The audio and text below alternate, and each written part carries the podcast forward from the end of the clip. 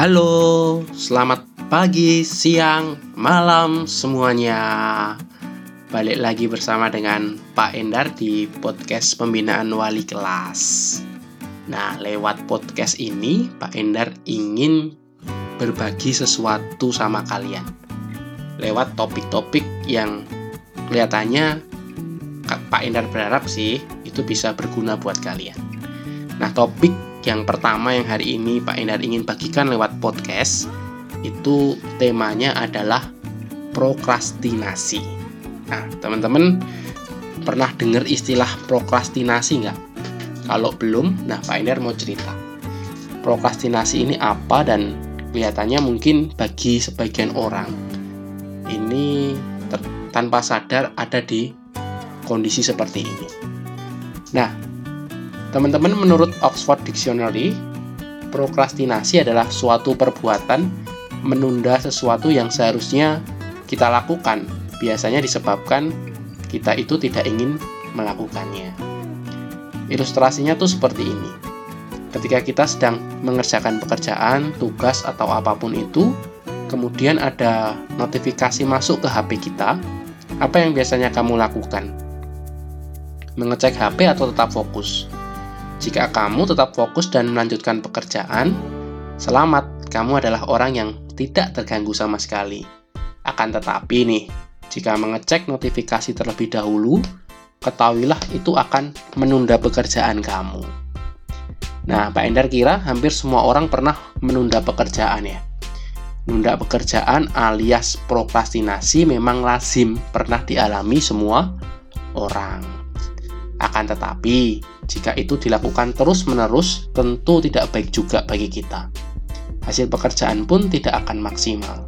Ada beberapa alasan mengapa orang suka menunda pekerjaan. Alasan pertama adalah waktu deadline yang masih lama. Ini merupakan alasan yang paling umum. Kita cenderung santai jika deadline tugas masih lama. Santai ah, masih lama. Mending kita nonton drakor dulu, main game dulu, dan lain sebagainya. Akhirnya, waktu tersebut terbuang dengan sia-sia. Ketika sudah dekat dengan deadline, barulah mulai mengerjakan tugas.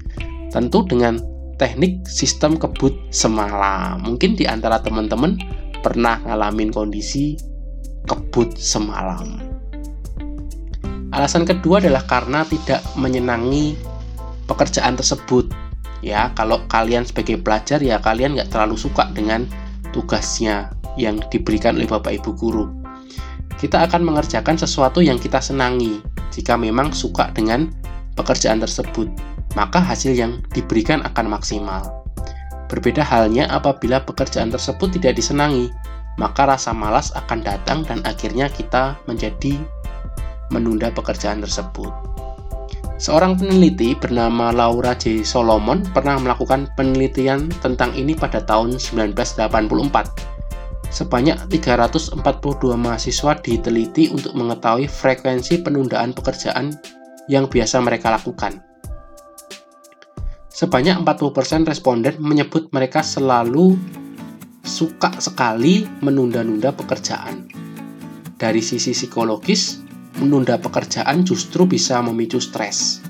Pekerjaan yang ditunda dan ditumpuk kemudian dikerjakan dalam waktu yang dekat pasti akan mendatangkan stres.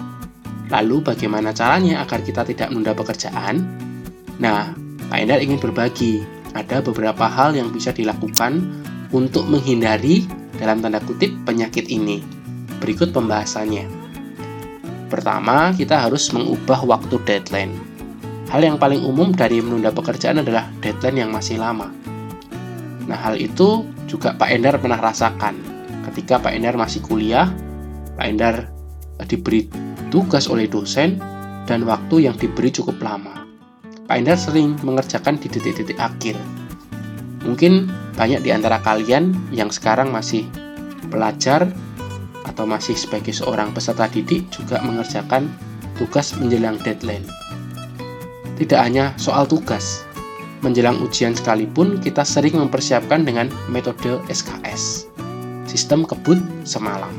Belajar semua materi sehari semalam, Begitulah kiranya. Padahal metode tersebut jelas tidak efektif dan hanya memberikan hasil yang tidak maksimal.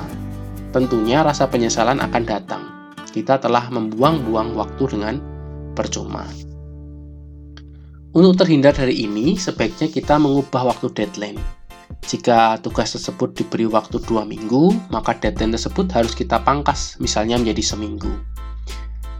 Dengan merubah waktu deadline, kita tidak akan menunda-nunda pekerjaan lagi. Manfaatkan waktu satu minggu tersebut dengan sebaik mungkin. Jika sudah selesai, kita tinggal bersantai tentunya.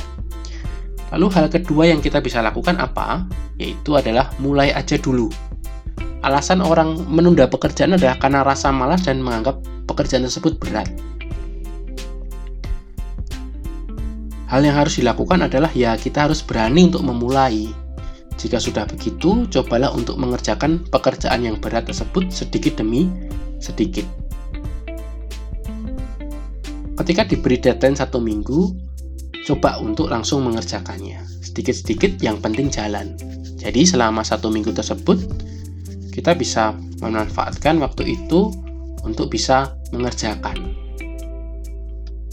Karena dalam sehari ada porsi yang harus kita penuhi.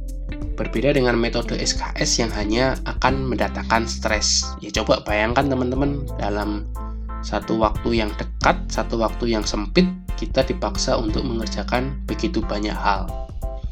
Hal tersebut wajar, ibaratnya kita nggak makan-makan selama satu minggu kemudian dalam satu hari kita harus menghabiskan banyak makanan sekaligus tentu itu tidak efektif buat kesehatan kita lalu hal berikutnya yang harus kita lakukan apa? Yaitu hindari hal yang membuat tidak fokus.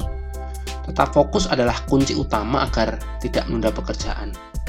Agar tetap fokus kita harus mengetahui hal apa saja yang membuat kita tidak fokus. Seperti yang sudah disinggung di awal, jika ada notifikasi di HP, kemudian kita mengecek notif tersebut, sebaiknya matikan HP selama mengerjakan tugas. Awalnya mungkin kita hanya sekedar mengecek notifikasi, tetapi lama-kelamaan kita akan bermain HP tersebut berjam-jam.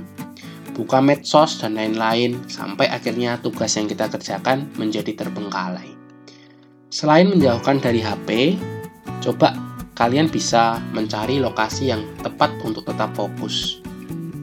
Nah, jadi kalau kalian punya spot-spot tertentu di rumah kalian yang kalian bisa pakai untuk kalian bisa fokus dalam belajar, kalian pakai ruangan itu agar tidak terganggu hal-hal lain yang menarik. Nah, jadi itulah beberapa tips bagaimana agar kita tidak menunda pekerjaan. Pak Endar berharap lewat tips yang tadi Pak Endar bagikan itu bisa jadi pelajaran buat kita agar kita menjadi pribadi yang lebih baik, agar kita tidak terbiasa menjadi orang yang suka menunda pekerjaan. Semoga bisa memberikan manfaat untuk kalian. Sampai ketemu di podcast pembinaan wali kelas selanjutnya. Dadah.